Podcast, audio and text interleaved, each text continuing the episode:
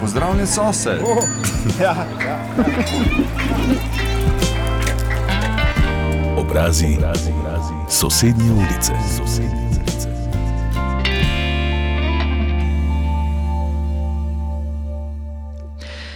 Spoštovane poslušalke, cenjeni poslušalci, pozdravljeni v oddaji Obrazi sosednje ulice. Današnji obraz sosednje ulice piše zanimivo življenjsko zgodbo, to zgodbo, ki še zdaleč ni končana.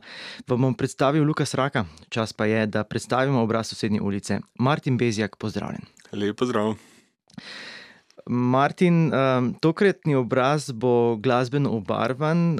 Tikava se, obstaja nekakšno pravilo, uh, oziroma ne napisano pravilo, da se glasbeniki med seboj tikajo. Je res. Ja, nekaj bo na tem, ne. vedno Ja. Dobro, mi do sicer generacijsko nismo tako daleč, ampak vseeno. Uh, Martin, kako bi se glasil tvoj zapis, recimo na uh, Wikipediji? to je dobro vprašanje. Moj zapis, eh, glasbenik, producent, eh, zadnje čase bolj eh, skladatelj in vse tukaj okoli. Na radiju Maribor smo te gostili pred kratkim, v sredinem uh, jutru ob kavi in kitari z violino si zaigral melodije, ki so dišale po irski glasbi, ne? tudi o Happy Old McWeasel bo še spregovorila danes. Uh, začniva pa na začetku tvoje glasbene poti. Uh, kdaj te je zagrabila glasba, kot radi rečemo? Ja. Mislim, glasba je vedno nekako bila z- neka glavna komponenta naše družine, mama glasbenica, pa tudi, sestra, eh, pa tudi široka družina, babica in dedek, vedno je bilo neki inštrument pri hiši in harmonika in klavir in vse ostalo, kar je bilo možno. In eh, je nekako logična povezava bila, da seveda bom začel v glasbeni šoli, ker sem tudi začel z violino. Kasneje se je to nekako prelevilo, pa smo potem vseeno, da bom šel v srednjo šolo. Nekako nisem videl svoje glasbene poti, da bom nekako profesionalni glasbenik oziroma karkoli v tej smeri.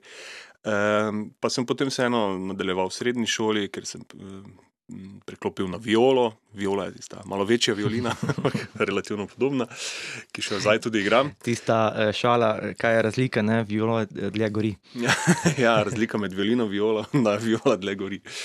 To so te orkestrske šale. Tako, tako. Uh, no, pa še vedno nikak nisem bil prepričan, kje točno se bom našel, oziroma kam, kam gre ta moja pot. Pa sem vseeno na koncu uh, pristal na Akademiji za glasbo v Ljubljani, ki se mi je nekako manj, bolj ali manj uspešno potem ne zaključil, ker me vmes, vmes je zgodila ena, ena stvar. Uh, Da sem nekako padal v študijske vode, oziroma začelo me zanimati snemanje glasbe eh, in, in kreiranje glasbe kot take. In eh, na, nekje na tisti pol poti moje, moje, eh, mojega izobraževanja na Akademiji za glasbo sem imel neko, neki calling, nek klic. Mhm. Mogoče bi jaz vseeno, vseeno poskusil v, v teh producentskih vodah in študijskih vodah, in sem se takrat prepisal na, na še takrat eh, obstoječi SAE inštitut v Ljubljani, uh, ki sem pa ga končal in potem tudi končal BA, uh, se pravi uh, nadaljevanje. Mm, In uh, ja, to, to mislim, da je nekako najbolj determiniralo potem mojo nadaljno pot, ker tu sem se potem res hotel izkazati. To je bila prava odločitev, to je Mhm. zdaj to, kaj, kaj, kaj sem hotel vedno delati. In kot kaže, je res bilo. um, in ja, tu, tu, tu nekako zdaj sem. Zdaj, zdaj, z, kasneje sem potem uh, um, zaštartal, oziroma to pot skozi, skozi podjetje Epix Productions, kjer pa zdaj kreiramo glasbo za, za igre, za multimedijo, uh Mhm, -huh, za trailere uh mhm, -huh, in mhm. uh -huh. vse podobno. Mhm.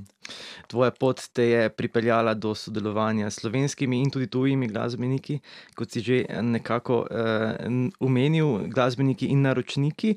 Uh, glasbeno sodeluješ tudi z neglasbeniki, no, v današnjih obrazih sosednje ulice bomo omenili vse aspekte tvojega ustvarjanja. Um, mogoče prvi del najnega pogovora zaključiva tako, da razbijava en mit. Um, delo glasbenikov se nam zdi. Zelo romantično, ne? čeprav nas uh, glasbena zgodovina uči, uh, da je bilo z nekaj izjemami vse prej kot romantično. Verjetno ni vse tako rožnato. Mislim, romantika. Uh, Romantika vedno ostaja, samo glavnina dela pa je pre, vse prej kot romantična, zato ker je pač enostavno trdo delo. Ne. Da priješ do neke rezultata, je vedno potrebno trdo delo. Tista, tista romantika pa obstaja mogoče v katerih nočnih urah, ko se ti otrije neka ideja in potem si eh, si zelo uh, determinirano uh, končuješ nek komat in si misliš, da to je to. to. no, ampak če začutiš ta calling, ne, ta klic, da si poklican za svoj poklic, Ja. uh, je lahko vsak poklic romantičen. Se popolnoma strinjam. Torej, uh, ko so že pri romantiki, ne spiš do 11. Ne, ne, zdaj več ne, včasih sem ja. zdaj je že nekako, dru, družina me zbudi. Kakšen je sicer tvoj vsak dan? Moj vsak dan, ja, ponovno se zbujam tam, kakih pol osmih, mm -hmm. spravljam mulce v, šolo in počasi zdaj tudi v vrtec. In, eh, potem grem na delovno mesto, ki je trenutno na glavnem trgu, kjer imamo trenutno del študija, del izpostava, mm -hmm. izpostava podjetja oziroma študijev, kjer, kjer eh, se dogaja dnevna produkcija, vsi sestanki in podobno. Začela sva s kavo, s pozdravom in predstavitvijo, po glasbenem premoru pa bova razkrila, kaj vse se zgodi v tvojem studiu po prvi jutranji kavi. Obrazi sosednje ulice. Obraz sosednje ulice tega sobotnega popodneva je Martin Bezjak, glasbenik, violinist, violist, producent in skladatelj. Uh, Kot sva omenila v prvem delu današnje oddaje, smo te ne tako dolgo nazaj gostili na Radiu Maribor skupino Happy All McWeasel. Svojo violo tam godeš že več kot desetletje. Ne? Ja, res je. Res je. Zdaj, zdaj je v bistvu spet violino, to sem malo preklopil. mhm, vmes, tako da, mhm. Ja, le gori. Kako je možno, da Slovenci uspejo s preigravanjem glasbe, ki diši po irski glasbi?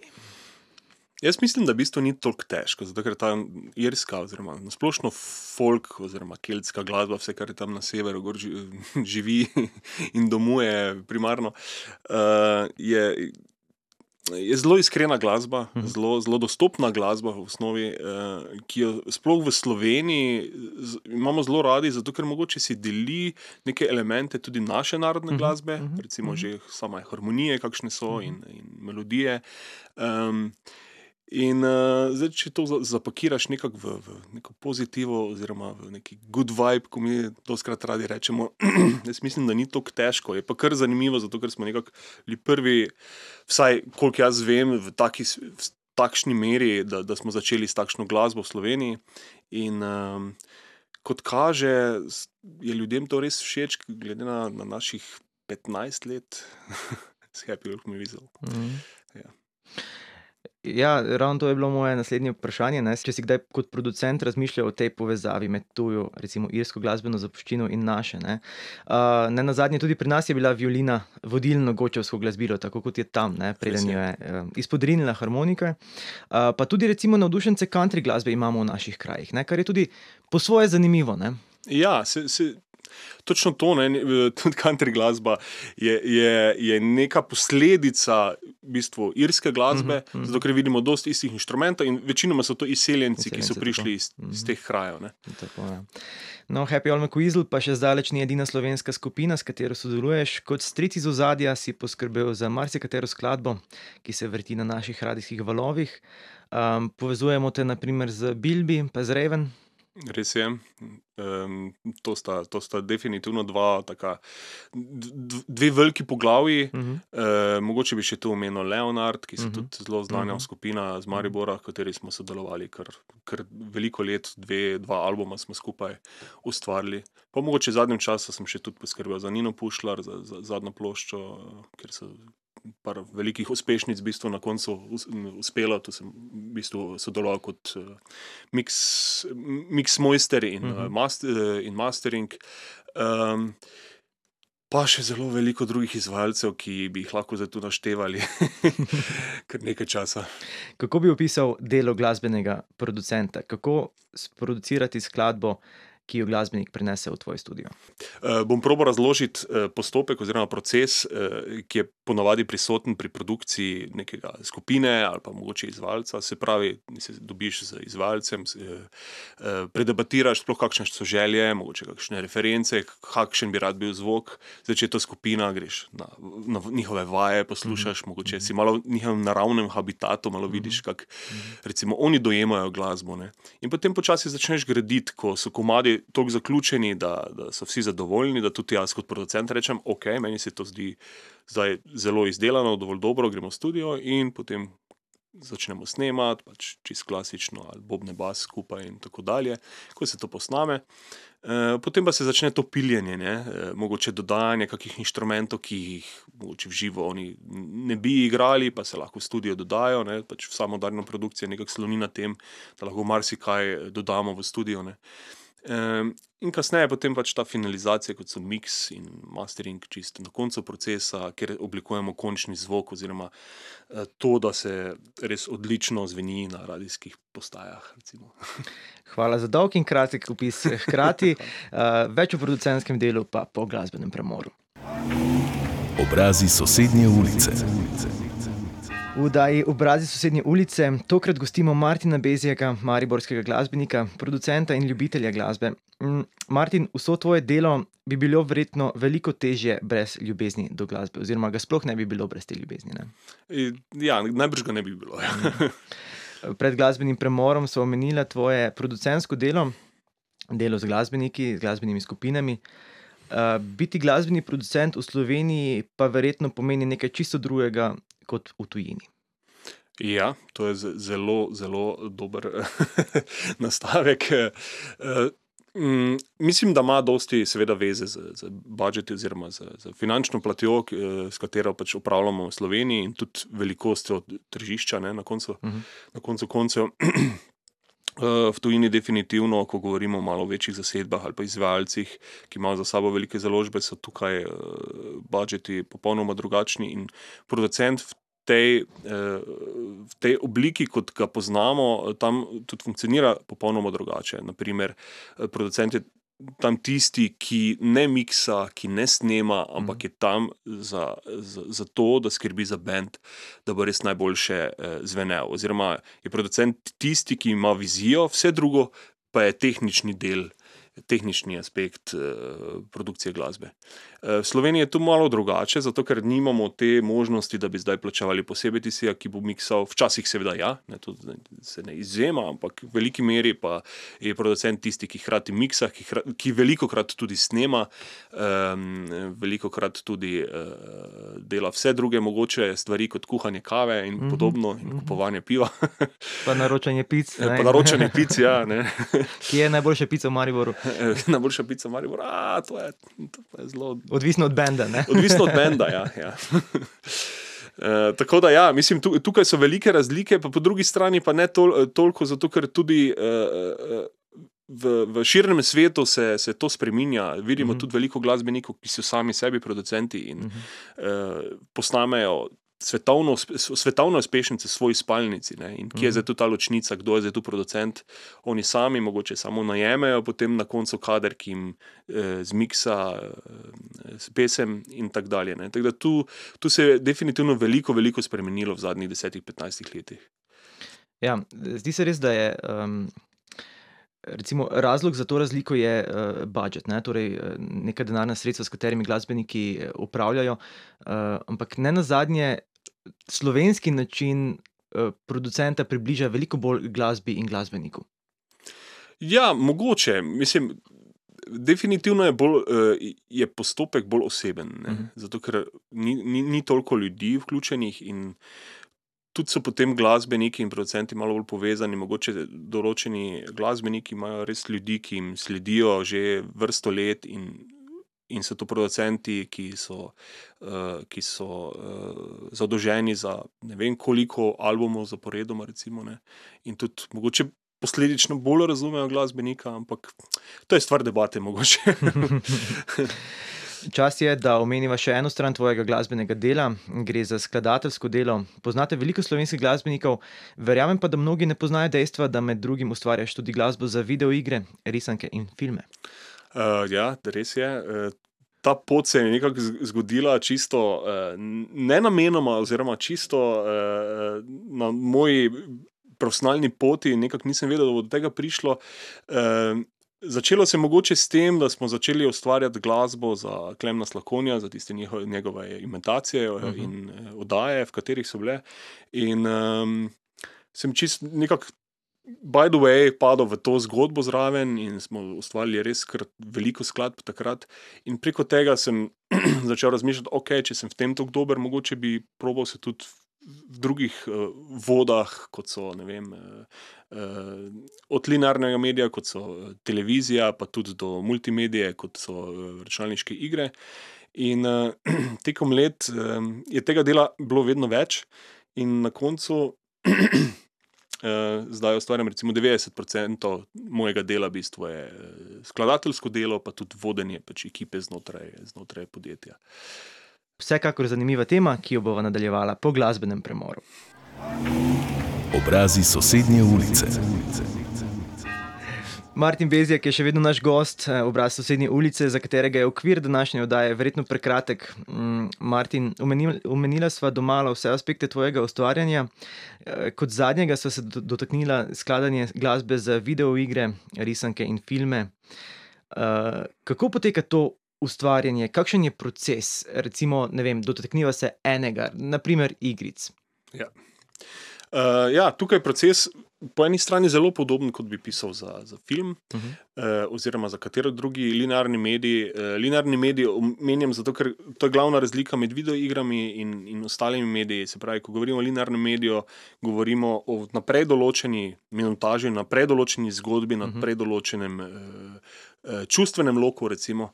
Eh, pri videoigrah je to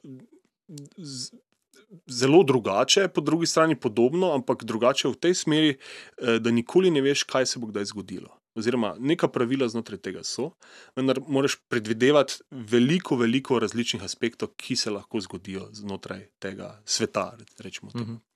In uh, kako to poteka? Ja, mislim, definitivno, uh, ko dobimo naročilo za neko igro, uh, uh, vemo že tematiko, kaj bo to predstavljalo. In ponovadi se najprej naredi neka raziskava, nek research, ki, ki vidiš kam sploh pes taco moli, kam, v katero smer hočemo iti. Ne? In uh, potem se začne ta kreativni del ugotavljanja, kaj za res paše. In ponovadi to ni zdaj samo ena iteracija glasbe in mm. narediš več, narediš ena, dva, tri, štiri in uh, uh, vidiš, kaj bo začelo delati. In gre za zelo kreativno delo znotraj, znotraj tudi včasih zelo velikih ekip, ljudi, artistov, vizualnih artistov in tudi režiserjev in vseh možnih ljudi, ki, ki skupaj nekako potem oblikujemo to zgodbo. Da prijemo nekako do končnega rezultata. Sem zelo filozofsko povedal, ampak je proces kar zapleten, da na koncu vidiš vse aspekte, da pride do, do, do končnega rezultata. No. Ko ustvarjaš multimedijsko glasbo, sodeluješ z mednarodnimi podjetji, ampak kljub temu ostaješ v Mariboru. Ja, um, zdaj to delo nadaljavo je sploh v zadnjih dveh letih mm uh, se še toliko bolj. Eh, prijelo bom rekel, ampak že prej eh, ni, ni kazalo nekih omejitev, zdaj ko imamo v bistvu vso komunikacijo prek interneta. Eh, moje delo eh, se v zadnjih, letih, v zadnjih dveh letih po, po, po tej naši eh, korona krizi, ni kaj dosti spremenilo, še vedno, še vedno uh, imamo so komunikacijo prek interneta, večinoma sestankov je preko interneta in um, tako to tudi deluje. Posledično lahko delamo s celim svetom in uh, v bistvu naročniki zadnje čase so 90% tuja podjetja. Um, tu govorimo o, o produktih, katerih doseg je tam tudi včasih po pol milijarde downloadov uh -huh. in uh, YouTube viewov in podobne stvari.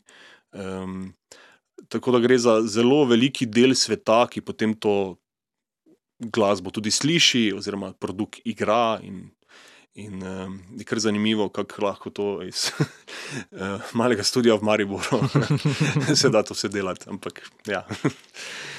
kaj Maribor da, kaj vzame in česar Maribor nima? Ha kaj Maribor da. Maribor da, po mojem, svobodo oziroma uh, to umirjenost.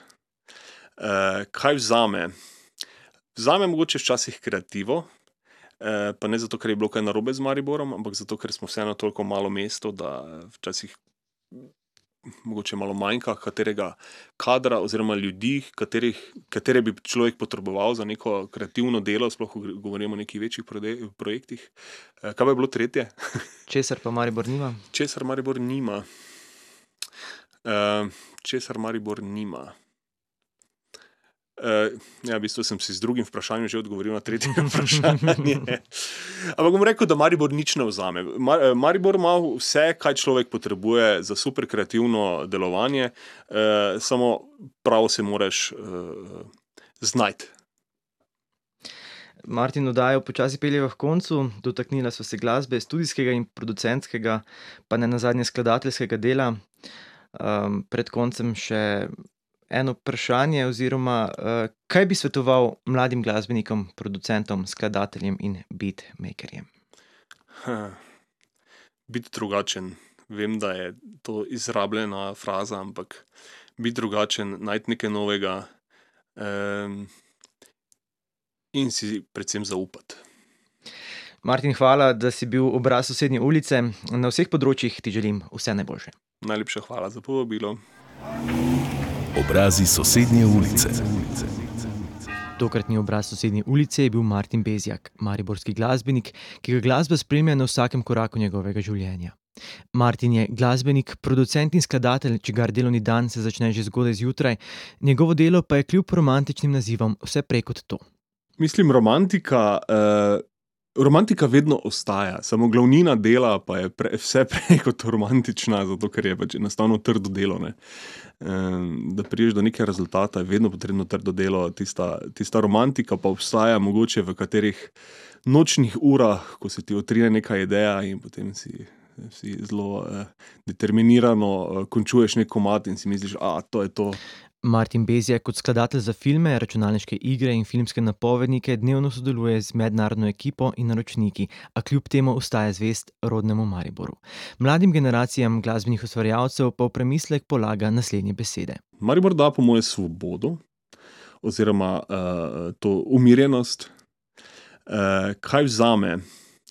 Vzame mogoče včasih kreativo, Eh, pa ne zato, ker je bilo kaj narobe z Mariborom, ampak zato, ker smo vseeno toliko malo mesto, da včasih mogoče malo manjka katerega kadra oziroma ljudi, katerih, katere bi človek potreboval za neko kreativno delo, sploh govorimo o nekih večjih projektih. Česar Maribor nima. Uh, česar Maribor nima. Bom rekel, da Maribor nič ne vzame. Eh, Maribor ima vse, kaj človek potrebuje za super kreativno delovanje, eh, samo prav se moraš eh, znajti. Kaj bi svetoval mladim glasbenikom, producentom, skladateljem in beatmakerjem? Biti drugačen. Vem, da je to izrabljena fraza, ampak biti drugačen, najti nekaj novega eh, in si predvsem zaupati. Oddajo smo pripravili Lukas Raka, Martin Bezjak in Simon Šprajcer. Obrazi sosednje ulice.